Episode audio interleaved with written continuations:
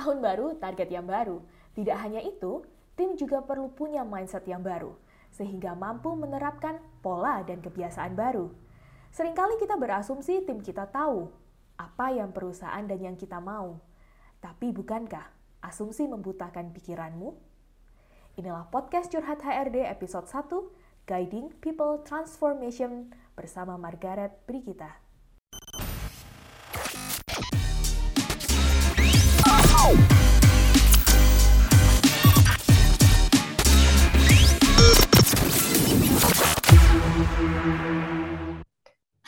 Everyone, welcome back to Curhat HRD. Semuanya apa kabar? Selamat tahun baru. Wah, kayaknya udah jadi kebiasaan di satu minggu di awal tahun. Selalu ucapannya adalah selamat tahun baru, selamat tahun baru, begitu kan? Nah, semoga harapannya juga di tahun yang baru, bisnis Anda makin sukses, pekerjaan semakin lancar, dan semoga Anda tidak makin pusing mengelola karyawan-karyawan atau SDM Anda. Setuju atau setuju ya? dan saya rasa kayaknya karena tahun yang baru banyak banget di sosial media juga ber terkait dengan harapan, refleksi, atau eh, hal-hal uh, apa yang ingin Anda lakukan di tahun 2022. Atau jangan-jangan Anda sudah ikut salah satu giveaway dari tim Sinergia Konsultan. ya, boleh juga, karena selama minggu pertama di tahun ini Sinergia Konsultan juga bagi-bagi hadiah, mulai dari e-book, ada juga yang bagi-bagi bucket hat, uh, macam-macam, langsung aja follow di Instagramnya at sinergia underscore konsultan, atau di Instagram lain lainnya Sinergia ada kalau yang lagi bagi-bagi hadiah sih di at it's where to work gitu. Jadi macam-macam uh, share juga apa yang ingin Anda capai di tahun 2022. Dan kembali lagi di podcast Curhat HRD ini bersama saya Marcel, di mana di podcast Curhat HRD kita tidak hanya curhat ya seperti biasa, tapi kita juga uh, membahas curhatan Anda terkait dengan mengelola SDM sehingga kami juga bisa memberikan solusi-solusi yang praktikal, solusi-solusi yang bisa Anda terapkan dalam pekerjaan Anda sehari-hari. Dan kalau Anda melihat, mungkin melihat dari, atau mendengar ya, mendengar dari intro pertamanya saat Anda masuk podcast Curhat HRD ini, kok kayaknya ada yang beda ya? Iya dong, karena kita sedang mulai season 3 dari podcast Curhat HRD di tahun yang baru gitu. Dan harapannya di podcast Curhat HRD di season 3 ini Anda juga bisa uh, apa ya mendapatkan manfaat lebih banyak, tidak hanya dari human capital coach dan uh, expert, tapi Anda juga mendapat pengalaman-pengalaman lain dari practitioner, uh, leader, profesional leader di luar sana, atau bahkan HC practitioner yang kami akan undang dalam podcast Curhat HRD ini. Dan atau ada yang mulai notice, kayaknya intronya suaranya ada yang baru. Iya, supaya Anda nggak kaget, teman-teman. Karena banyak sekali yang feedback, wah ini intronya ngagetin. Ah ya, supaya Anda melek aja sih, supaya Anda juga semangat dengerin podcastnya. Gak apa-apa. Nah, maka hari ini, seperti yang saya sudah sampaikan, bahwa podcast Curhat HRD ini uh, di season 3 akan lebih berkembang lagi. Sebenarnya sama seperti, um, apa ya, perjalanan kami di Sinergia di tahun 2022, kami punya tema di 2022 ini adalah We Live to Grow Others, yang mana sebenarnya kami ingin lebih banyak eh, menumbuhkan orang lain di luar sana melalui pengalaman praktikal. Dan kayak hari ini saya yakin Anda pertama kali mendengarkan suara ini di podcast Curhat HRD. Karena saya mengundangnya baru pertama kali emang gitu. Dan saya nggak ke mana-mana, saya ingin kenalin timnya Sinergia Konsultan untuk uh, bisa bersama-sama dengan Anda untuk sharing pengalamannya dia di area uh, human capital tapi di sisi yang berbeda, yaitu leadership ya. Nah, saya uh, ini dikit ya, uh, spoiler dikit tentang satu orang ini gitu. Dia favorit saya by the way. Uh, cewek tangguh yang saya bilang wah ini kalau ada apa pun dihadapi gitu berani ambil resiko juga dan dia seorang leader yang mana dia memegang salah satu departemen di uh, sinergia yang kita sebut sebagai sinergia Darsana Darasatya yang bertanggung jawab atas uh, coaching academy and training lah kayak gitu. Jadi di coaching academy and training yang bersangkutan juga bertanggung jawab terhadap hubungan uh, apa ya luar negeri gitu, hubungan internasional yang mana kami juga punya beberapa uh, partner dari internasional untuk uh, apa import tools gitu, coaching tools, coaching academy dan yang bersangkutan ini ini memang benar-benar yang uh, bertanggung jawab terhadap segala proses yang ada di dalamnya. Mungkin kalau ada yang sudah sering mengikuti Sinergia Consultant, ngikutin juga perkembangan di uh, media sosial media kami yang lainnya, mungkin Anda tahu gitu. Tapi mungkin Anda juga baru kenal dengan satu ini gitu. Dibanding kita uh, lama-lama ya, kita langsung sapa aja dan saya sebut yang bersangkutan ini Sista gitu. like sister but uh, lebih kece gitu. Jadi Sista gitu. Hai Red, warga Red. Apa kabar? Halo, Sista. Hai, gimana Baik. kabarmu? Baik, kan kita kayak lama nggak ketemu sih sebenarnya. Iya ya. Iya nggak sih? Kita ini gini teman-teman podcast. Jadi uh, sebenarnya Margaret ini lebih banyak di kantor kami yang satunya dan saya di kantor yang satunya. Tapi kita juga sering aja ketemu ya nggak sih? Iya, ya saling aja. Kadang saya juga main ke sana gitu kan. Kadang Jakarta juga main ke sini gitu. Bolak-balik aja kan gitu. Nah, uh, namanya Margaret Brigita teman-teman. Saya sering sebut uh, dia Sista kayak yang saya info tadi atau mau dipanggil Red, Margaret, KM. Baik banget ya sebutanmu ya. Iya, apa pun lah ya. Pokoknya nyambung kalau ngobrol apa-apa. Pokoknya kalau dipanggil noleh gitu kan ya.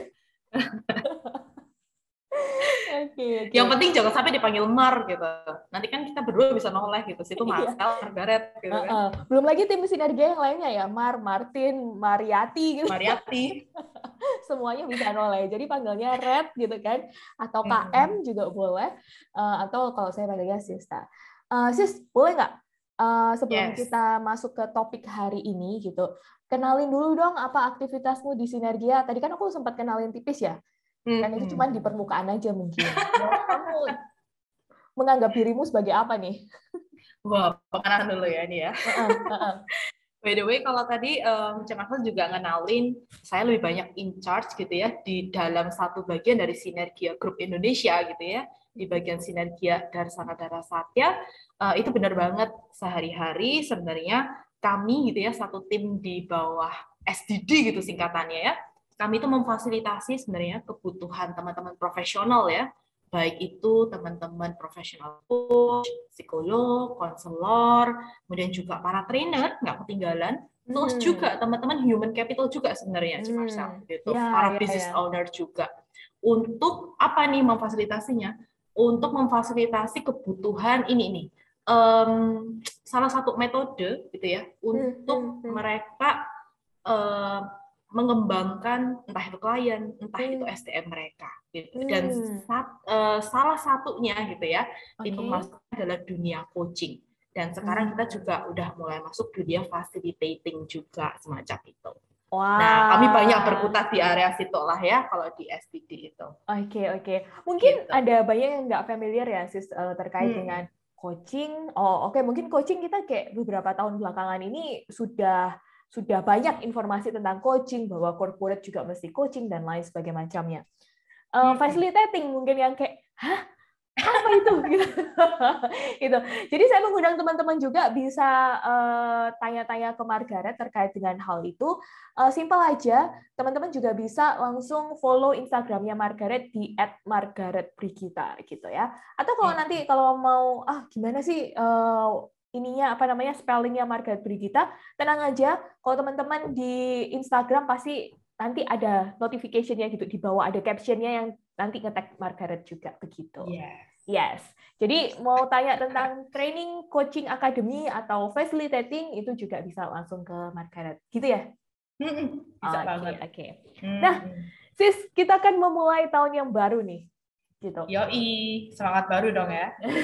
Atau masalah baru? oh, tidak gitu. ya, jangan kaget teman-teman podcast curhat HRD gitu ya. Kita memang belak-belakan ini kalau mau ya. Masalah baru. Iya sih masalah baru gitu. iya nah, dong gitu. Happy problem lah ya, happy, happy problem. problem. Happy problem.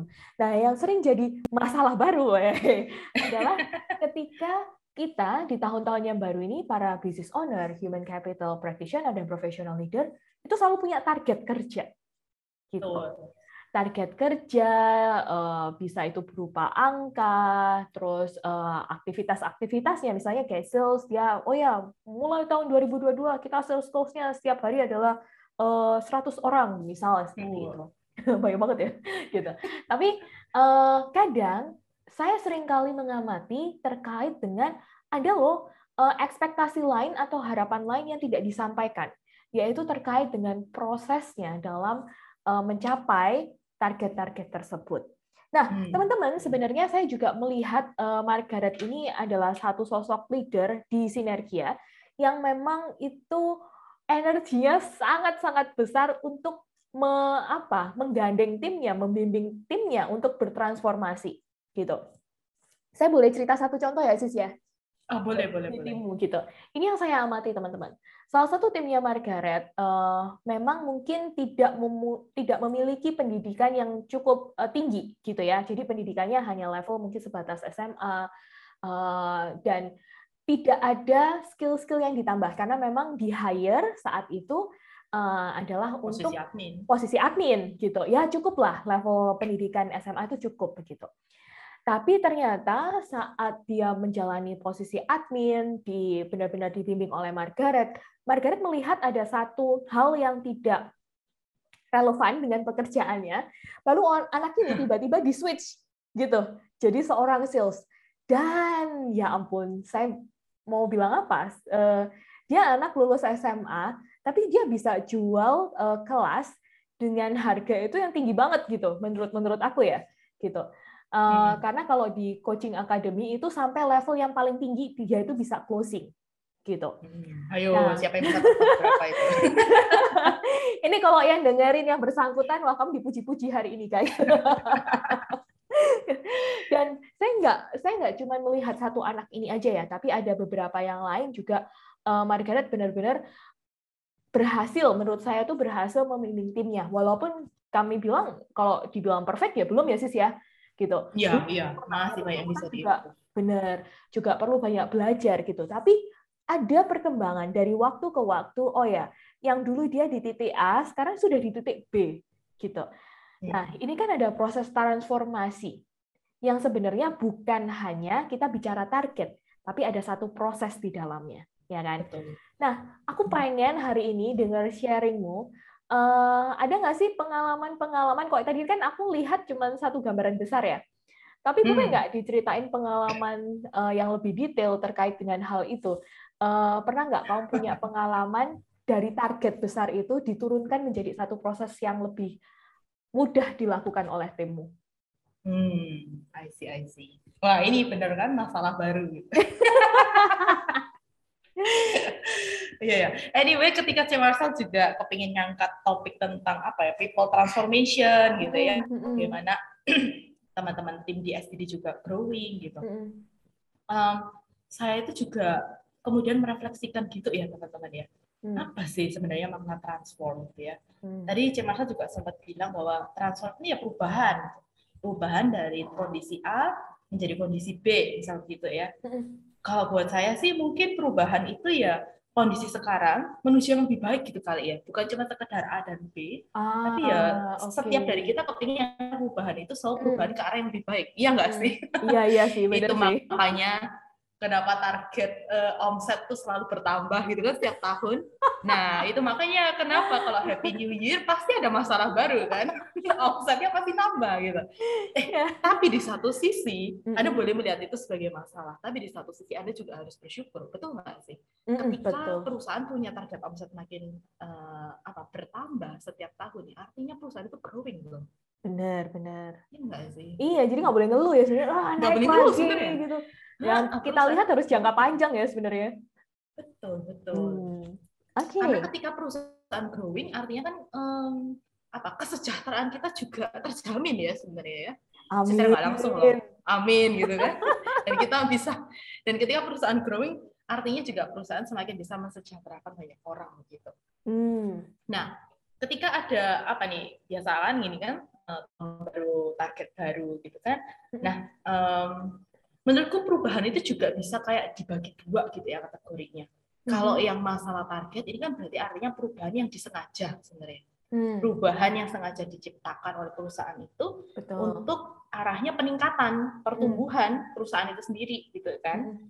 Nah, um, kalau kalau ngomong di area perubahan yang tidak tidak sengaja diciptakan ya misal kayak adanya pandemi kita WFH ini kan satu perubahan yang yang mengejutkan tidak, ya. Iya, mengejutkan ya, tidak di tidak diundang untuk datang gitu kan. Dan tidak diduga-duga kalau itu akan datang ya kan? Betul, unexpected. yeah. But precisely harus dihadapin gitu bener, kan. Bener. Misal kebijakan pemerintah tiba-tiba berganti, berubah, hmm, hmm. atau mungkin perubahan perilaku konsumen sehingga kita juga hmm. mesti agile, adaptasi dengan hal itu gitu kan. Hmm. Dengan perubahan yang tidak bisa dikontrol. Hmm. Tapi misal katakanlah kayak tadi ada target baru atau mungkin kemudian uh, perusahaan Anda mungkin secara hmm. tahu gitu ya di tahun hmm. ini juga merencanakan pengen upscale Nah, misal hmm. nambah lini produk baru untuk manufaktur misal hmm. atau mungkin juga mau nambah outlet. Nah, ya, ya kan? Betul, betul, betul. Atau mungkin perusahaan Anda lagi merger atau diakuisisi misal gitu. Wah, itu kan hmm. benar-benar satu perubahan juga yang sebenarnya itu uh, bisa diprediksi dan bisa diatur atau diorganisir gitu ya. pelaksanaannya semacam hmm. itu. Nah, um, dan kalau ngomongin gitu ya, ketika ada perubahan gitu, um, pasti dong yang namanya perubahan itu membawa dampak, resiko lah. Ya, nggak cuma dampak positif, tapi dampak negatif ya. Betul, betul. Okay. itu, itu selalu mengikuti ya, itu dua sisi mata uang koin gitu. Dan dan kalau ditanya um, apa itu komponen yang diubah sebenarnya ketika ada target baru, ada hmm. apa satu development bisnis baru gitu ya. Mm-hmm. Yang pertama pasti sistem dong. Ya, ya, ya benar. Ketika, mm-hmm. ketika ada target baru, omset baru, pasti ada satu sistem kerja yang berbeda juga. Nggak mungkin kan dengan cara yang sama kita juga bisa dapat result yang lebih besar. Betul. Oh, itu nonsense kan. Mm-hmm. Kalau mau dapat result yang berbeda, pasti usahanya juga mesti ditambah atau mungkin berubah juga, gitu yeah, kan? Yeah. Sistem mm-hmm. satu. Tapi kalau ngomongin sistem itu kan gampang banget ya Cesel. Benar, Artinya, benar. Ketika sistem itu dirubah, diganti atau dikembangkan, dia tuh nggak bisa ngomel. Aduh, nggak mau diganti gitu ya. Gimana coba caranya? Misal katakanlah uh, bisnis Anda berkembang, Anda mesti restrukturisasi um, apa nih? Apa sih? Uh, ini ini apa sih? Kalau dibilang kok jadi saya lupa istilahnya. Restrukturisasi struktur organisasi struktur gitu ya. organisasi ya. struktur okay. organisasi mm -hmm. gitu ya mm -hmm. ketika itu berubah gitu ketika mm -hmm. kita mau nambahin satu divisi baru kemudian mm -hmm. menambahkan tim lagi bahwa dia kan nggak bisa nolak ya aduh yeah, saya nggak yeah. mau ya. ditambahin gitu uh -uh, nah uh -uh. sistem gampang banget nggak mm -hmm. mungkin nolak gitu kan mm -hmm. karena sistem dibuat manusia gitu. mm -hmm. nah pertanyaannya ya selain sistem apa kemudian yang yang kena dampak perubahan ini gitu ya yang lebih yang terkena gitu ya mungkin secara mental gitu nah nah itu dia. Itu faktor yang um, itu nggak ada rumus pastinya ya iya, teman-teman. ya, kan? Um, faktor kedua yang kena dampak perubahan itu secara langsung adalah manusianya SDM-nya hmm. di dalam. Okay. Kalau ngomong SDM itu nggak cuma di area staff loh ya, mm-hmm. tapi sampai di area top management bahkan direksi mungkin. Ya every human in that uh, company pasti juga ikut kena dampak ini, ya, gitu kan? Betul, betul. Yang artinya, kalau manusia-manusia di dalamnya itu siap, uh-huh. atau mungkin yang sering kali kalau di dunia coaching itu bilangnya ini adalah manusia-manusia yang sudah punya growth mindset. Uh-huh, uh-huh. Ketika dia dikenain sebuah perubahan, dia udah nggak bingung. Hmm. Dia tahu bahwa perubahan ini adalah satu kendaraan yang membawa dia untuk growing lagi, gitu betul, kan? Betul. Ketika bareng-bareng growing, artinya wah itu menyenangkan lah ya. Um, iya, malah happy growing. gitu, kayak iya. ada tantangan baru gitu kan. Betul, belajar hal baru, ya. Tantangan dilihat sebagai satu pembelajaran baru olehnya. Betul, betul. Nah, tapi bagaimana kemudian dengan teman-teman yang punya fixed mindset? Wah, ini oh, bisa jadi gitu. ah, gitu banget ya. Nah, ya gitu kan. Mm -mm, gitu. Yang artinya uh, ada kemungkinan besar gitu ya, ada resiko hmm. untuk ditolak, betul ya? Betul banget. Uh -uh. Ada mungkin teman-teman yang secara gamblang dia bisa bilang resisten gitu ya, langsung menunjukkan reaksi Benar. yang uh, reaktif gitu. Artinya kita bisa lihat gitu.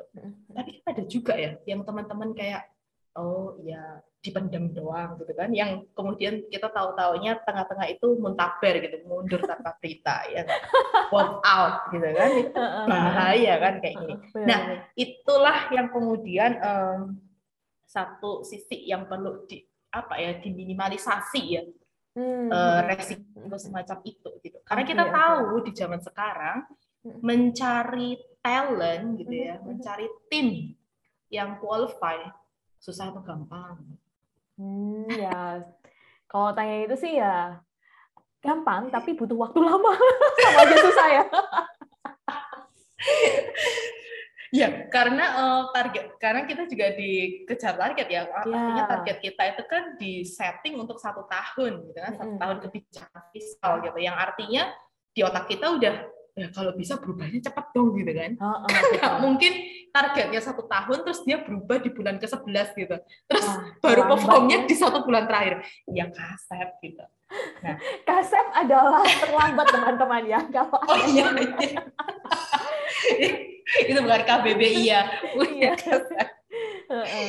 nah, itulah yang kemudian sebenarnya juga membawa satu kesadaran gitu ya ke Margaret juga artinya oke okay, ketika perusahaan punya target omset baru nggak cukup nggak cukup untuk memperbanyak strategi atau menambah strategi atau menyesuaikan strategi tapi sebenarnya teman-teman di dalam yang menggerakkan sistem itu itu juga yang perlu dipersiapkan. Hmm, okay. artinya ada transformasi juga betul ya dari kondisi yang sekarang. Mungkin yang tadi kalau dari ceritanya Cecil awalnya cuma bisa di area kapasitasnya kapasitasnya itu di area admin gitu ya yang cuma catat stok menghitung stok. Nah ini yang kemudian mulai dilatih gitu kan. Dilatih itu artinya um, kita sebenarnya mengajak gitu ya mengajak yang bersangkutan untuk melihat sebenarnya area apa lagi sih yang kepengen kamu jajakin belajar hal baru kan? Ya betul nah, betul, ini. betul betul. Dan apakah ketika kamu menggeser uh, bukan menggeser ya mentransformasi gitu pekerjaannya dia dari admin menuju ke tadi sales yang mana dia hmm. awalnya cuma ngitung-ngitung stok lalu ke sales dia kan harus lebih punya kemampuan untuk berkomunikasi misalnya. Uh, yes. Kamu tanya nggak sih ke yang bersangkutan kalau yang uh, sebenarnya mana nih yang kamu lebih suka? Ngitung-ngitung stok kayak gini, bekerja bersama barang atau kerja sama orang nih? Hmm. Nah, anyway, ketika um, apa ya dipertanyakan langsung ke yang bersangkutan, kadang itu juga nggak aware loh dengan Oh oke okay, oke. Okay. Jadi sebenarnya ya, tim itu mungkin nggak nggak sadar kemampuan dia sendirinya apa. Ah oke oke. Okay, okay. Dia tahu ya sejauh ini aku bisa ya begini hmm. karena di sekolah aku uh, apa bisa apa maksudnya uh, mungkin dari dari pengalaman berorganisasi gitu kali ya mm-hmm. atau mungkin pengalaman di luar sana uh, pernahnya di area sini mereka ya taunya cuma sebatas itu kalau mm-hmm. berpikirnya ya. Ya saya cuma bisa ini gitu. Nggak mungkin saya bisa ngelakuin yang lainnya gitu misal. Nah nah ini yang kemudian sebenarnya um, ketika ngomongin mempersiapkan transformasi teman-teman tim gitu ya dalam tim ini sebenarnya satu strategi yang bisa dilakukan bagaimana teman-teman leaders itu juga bekerja sama dengan tim human capitalnya. Hmm. ya karena teman-teman human capital ini kan kunci ya kalau di organisasi. Gitu. Betul betul betul. betul.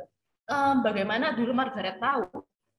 Karena sebenarnya Margaret mau observasi, mau observasi um, sebenarnya dari program-programnya teman-teman human capital. Nah hmm. di sinergia itu kan teman-teman human capital juga punya tuh program yang dimasukkan ke dalam sistem hmm Artinya begini, uh, ini ngomongin area people transformation ya. Mm-hmm. Bagaimana setiap hari Sabtu teman-teman di Sinergia itu kan punya Sinergia Transforming Circle, mm-hmm. right? Di mana teman-teman itu secara nggak langsung kan ya, mm-hmm. kan diminta untuk baca buku. Mm-hmm. Kemudian secara bergiliran setiap mm-hmm. orang itu mempresentasikan mm-hmm. satu bab. Jadi dalam satu buku misalnya ada 10 bab gitu ya, minggu ini C Marcel mm-hmm. yang akan presentasi bab satu gitu ya. Mm-hmm. Nanti ditemani dengan si X gitu mm-hmm. yang akan presentasi bab dua dan seterusnya. Gitu. Nah, dari situlah ya kan dari teman-teman itu melakukan presentasi, di situ mereka mengobservasi. Mm-hmm. Wah, ini bisa ya menggerakkan orang kayak 10 menit. Oh. Artinya menggerakkan orang itu gini, membuat teman-teman yang lain itu memperhatikan gitu aja deh Ah, ya ya ya ya ya. Grab, That's grab, point for grab sales ya kan. Attention loh. Iya, lah sales kan juga gitu ya. ya yang ya, penting ya. itu pandangan pertamanya. Ya. iya enggak? Pesan pertama, sorry. Karena kalau impression ya, ya, first impression ya. ya. First impressions, betul. Nah, ini first impressionnya bagus banget. Nah, artinya di situ saya melihat, wah ini ada potensi. Nah, hmm. ini yang kemudian di hmm. dalam sesi coaching, nah kebetulan kami juga ada sesi coaching tiap bulan ya, kita kemudian ditawarkan ke yang bersangkutan. Saya melihat ini loh, saya mau observasi ini loh. Kamu bagus banget juga di area ini. Kamu mau nggak sekiranya menjajaki? Nah, potensi ini lebih lanjut. Oke. Okay. Ketika ya. saya mengajak seseorang untuk menambah kapabilitas atau menambah kapasitas, saya tidak semata-mata hanya untuk tujuan perusahaan hmm. supaya supaya sales makin naik. Kamu bantu di sales dong gitu. Enggak. Ah. Tapi angle-nya adalah bagaimana melalui sales sebenarnya aktivitas sales itu jadi satu kendaraan untuk teman-teman eksplor potensi di area itu. Hmm. Ya ya ya. win-win. Win, benar-benar. Ini satu mindset yang uh, agak berbeda ya teman-teman gitu. Maksudnya kalau kita melihat dari target perusahaan ya sis, mostly hmm. mostly di luar sana uh, business owner ataupun professional leader mungkin yang bergerak di area sales dan marketing kita melihatnya adalah ngepusnya adalah by uh, target gitu. Benar-benar kayak iya kan angka. Terus misalnya dia ngerti wah angkanya segini dengan tim sekian nggak kecapai akhirnya ada tambahan orang yang ngisi juga sales lagi. Tapi hari yes. ini kita kita dengerin dari Margaret aku dapat insight banget juga di area ini nih ketika kita memang mau mencapai target tertentu, kalau orang itu nggak buy-in dengan target yang diberikan juga percuma, hmm. ya kan? Jadi harus ada dua sisi, di mana yang bersangkutan juga menggunakan uh, target tersebut, menggunakan uh, apa aktivitas di area sales ini sebagai kendaraan dia menuju ke, ke mimpi yang dia inginkan, ke cita-cita yang dia inginkan. Yes. Nah, ini yang kayaknya makanya kenapa banyak banyak sekali ya profesional leader ketika melihat timnya burn out, melihat timnya kayaknya kapasitasnya udah nggak sampai lagi. Ngomongnya adalah ke HR, ke human capitalnya, tambah orang dong, gitu. Iya, betul. Padahal tambah orang itu nggak gampang kan, gitu. Tambah orang. Sekarang cari talent yang sesuai ekspektasi kita itu, wah itu challenging banget loh. Makanya juga dengar-dengar di tempat klien, uh, ternyata juga cari talent itu susah banget gitu. Ya. Dan Margaret sendiri juga ngalamin sih sebenarnya gitu ya. Cari markom itu susahnya setengah mati sekarang okay. itu gitu kan.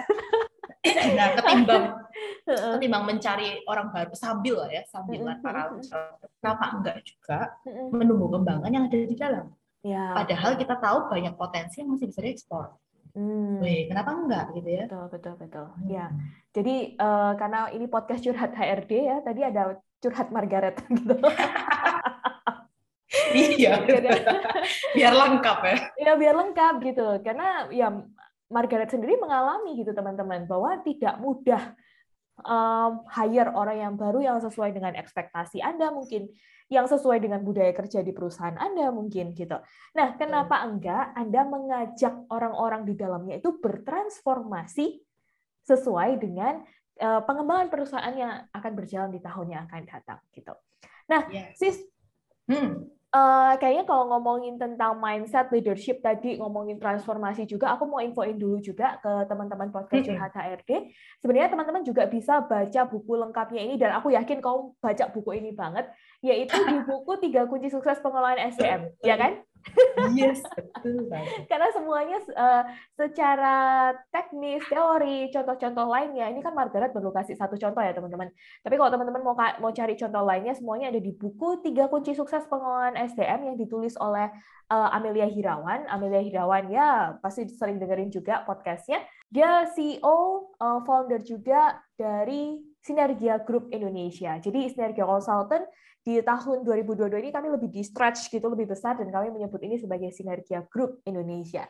Cara ordernya gampang banget, tinggal ke www.sinergiakonsultan.com slash buku tiga kunci ya, tiganya pakai angka, buku tiga kunci. Atau mau yang lebih gampang lagi, Marcel sulit carinya, sulit apa sulit uh, nginget-nginget ini ya kan linksnya. Langsung aja DM di Instagram Sinergia ya. Di sana bilang aja, e, saya mau order bukunya kak. Uh, nanti ada yang jawab baik kak. Nanti saya teruskan ke yang bagiannya gitu. Nah, balik ke topik kita hari ini, bagaimana kita bisa membimbing tim kita menuju pada satu titik transformasi, terutama di tahun yang baru, harapan yang baru. Tadi kita juga udah apa ya uh, lebih ke arah mindset kali ya Sis ya. Ini loh mindsetnya tentang transformasi. Bahwa transformasi artinya mereka harus bertumbuh ke yang lebih baik. Bahwa transformasi bukan hanya soal mencapai target, tapi bagaimana setiap orang itu juga bisa mengembangkan potensinya. Nah, sis share dong tips atau cara yang kamu pakai gitu kan uh, apa aja sih langkah-langkah yang kamu pakai sehingga kamu bisa memimpin timmu sehingga dia menuju titik transformasi itu? Yes, ini gampang banget sebenarnya. Kalau okay. untuk teman-teman yang sudah punya buku tiga kunci sukses yes, kan, uh, pengelolaan SDM, sebenarnya frameworknya Margaret juga nggak jauh-jauh dari situ. Uh. Kalau di sana dibilang tiga kunci itu, Giselle, itu kan yang pertama adalah ngomongin mindset, betul ya? Uh, uh, lalu kemudian sistem, lalu yang ketiga adalah leadership. Nah, okay. apa yang dimaksud dengan mindset? Um, bagaimana mengkomunikasikan tadi itu ya, bagaimana mengajak tim kita itu untuk pertama-tama accept gitu ya, mau untuk ikut bertransformasi. Nah, seperti tadi. Ini kan um, bukan di area mindset ya bagaimana mengkomunikasikan itu. Lalu kemudian selama uh, selama yang bersangkutan juga kemudian mengiyakan ya, untuk mencoba bertransformasi ke arah sana, kita juga perlu monitoring gitu ya. Monitoring. Um, cek nadinya. Ini kalau Margaret kemarin sempat baca artikel di McKinsey juga. Mm-hmm. Nah, itu ada juga satu artikel bagus banget yang membahas tentang bagaimana sih guiding the people transformation gitu. Mm-hmm. Nah, salah satunya ini ngomongin tentang area komunikasi dan bagaimana memonitoring uh, the people pulse itu nadinya teman-teman enggak hmm. literally nadi ya terus dihitung berapa detaknya itu enggak ya, artinya begini ketika teman-teman ini mendapatkan hmm, satu lingkungan yang mengajak mereka bertransformasi. Kayak tadi ya mulai dari mm-hmm. admin kemudian kepingin dinaikin levelnya jadi um, sales gitu ya. Mm-hmm. yang artinya ini kan ada area banyak area yang akan dipelajari gitu ya. Banyak hal-hal baru yang mungkin itu juga akan challenging buat mereka. Nah ini yang kemudian perlu dicek gitu kan secara rutin. Teman-teman ini gimana gitu di tengah perjalanannya. Bisa jadi loh kalau nanti teman-teman udah mulai terjun ke dunia sales gitu ya contohnya kalau case-nya tadi hmm. kemudian mengalami penolakan nah kadang itu hmm. ada yang nggak hmm. siap loh mengalami penolakan ketika betul, betul. katakanlah yang di prospek say no gitu ya untuk hmm. apa yang kita tawarkan hmm. nah ini yang perlu kemudian terus dimonitor gitu ya hmm. monitoringnya lewat cara apa kalau di tempat Margaret sal, uh, salah satunya melalui proses coaching hmm. karena kan ada coaching setiap bulan nah coaching itu sebenarnya jadi salah satu aktivitas uh, rutin kami setiap bulan yang sebenarnya Margaret bisa pakai jadi kesempatan lah ya mm-hmm. untuk memonitoring um, lebih ke arah feeling ya, bukan pergerakan atau progres ya, tapi mm. lebih ke hmm. arah feelingnya teman-teman. Ah, Kamu nyaman nggak sih? How do you feel? Iya. Ya, ya, ya, ya, ya. Nah, itu di area mindset bagaimana mengkomunikasikan itu dan hmm. dan ketika teman-teman juga apa di di kesempatan coaching itu mengungkapkan hmm. mungkin ada beberapa hal gitu ya atau mungkin keyakinan yang hmm. itu menghambat atau menahan mereka, di situlah kan benar ya. Coaching oh. itu kan prinsipnya juga begitu, bagaimana ya. menggerakkan sudut pandang seseorang gitu. Hmm. Yang awalnya stuck menjadi unstuck gitu. Dan itu nah, sebenarnya kan, tugas leader ya. Betul. walaupun orangnya lagi nggak bertransformasi atau nggak secara ini ya langsung ya, ya tapi betul, itu sudah jadi tugas leader. Nah itu kan banyak banget artinya main di area mindset, gitu ya, hmm, hmm, hmm. sehingga teman-teman ketika dalam masa pertumbuhan ya, itu juga bisa apa meminimalisasi resiko tadi. Resisten atau mungkin uh, mogok di tengah jalan gitu ya mundur di tengah jalan gitu. itu area mindset satu. Dua sistem gitu. Nah kalau di area sistem kita itu kalau di satu tim begini, ini kan pekerjaan udah banyak banget ya, administratif, apa pun gitu lah ya. Betul, betul. Dan kalau itu, tadi Cecil juga bilang, oh ya Cek sempat-sempet gitu ya, ngajarin gitu ya, satu hmm. persatu, gitu, skill. Hmm. Nah, to be honest, kadang ya ada satu waktu yang kayak, waduh gila, ini uh, kerjaan administratif udah banyak banget gitu kan, kayaknya udah nggak ada waktu lagi nih untuk ngajarin benar-benar secara, uh, secara apa ya, secara one on one gitu lah ya, gitu secara kan. personal gitu. Nah artinya sistem ini kita teman-teman leader gitu ya bisa banget berkolaborasi sama teman-teman human capital tadi itu. Hmm. Jadi sebenarnya Margaret juga secara sengaja kadang menanyakan gitu ke teman-teman human capital, boleh nggak sih uh, teman-teman ini dibuatin satu um, program khusus gitu ya belajar sales and marketing training secara hmm. rutin gitu. Hmm. Nah artinya ketika teman-teman human capital memasukkan ini dalam satu program kerja tahunan, hmm. ini kan berarti pelatihan ini masuk ke dalam sistem ya. Yang artinya Margaret nggak perlu frekuensi yang bulan, berkurang. Setiap bulan ngajarin lagi gitu kan. Tapi ini udah diserahkan langsung kepada uh, yang berwajib gitu. Betul, dan mungkin bisa jadi tim kita belajar dari banyak sudut pandang juga. Belajarnya nggak betul. cuma dari Margaret. Ya, Betul ya. bosen kali ya mau dengerin kamu Uh, terus gitu. Iya, betul. Setiap hari ketemunya saya, gitu ya, belajarnya cuma dari saya, gitu. Dan saya pun juga uh, masih perlu perlu terus belajar, gitu kan. Heeh. Nah, itu area sistem. Artinya em, apa?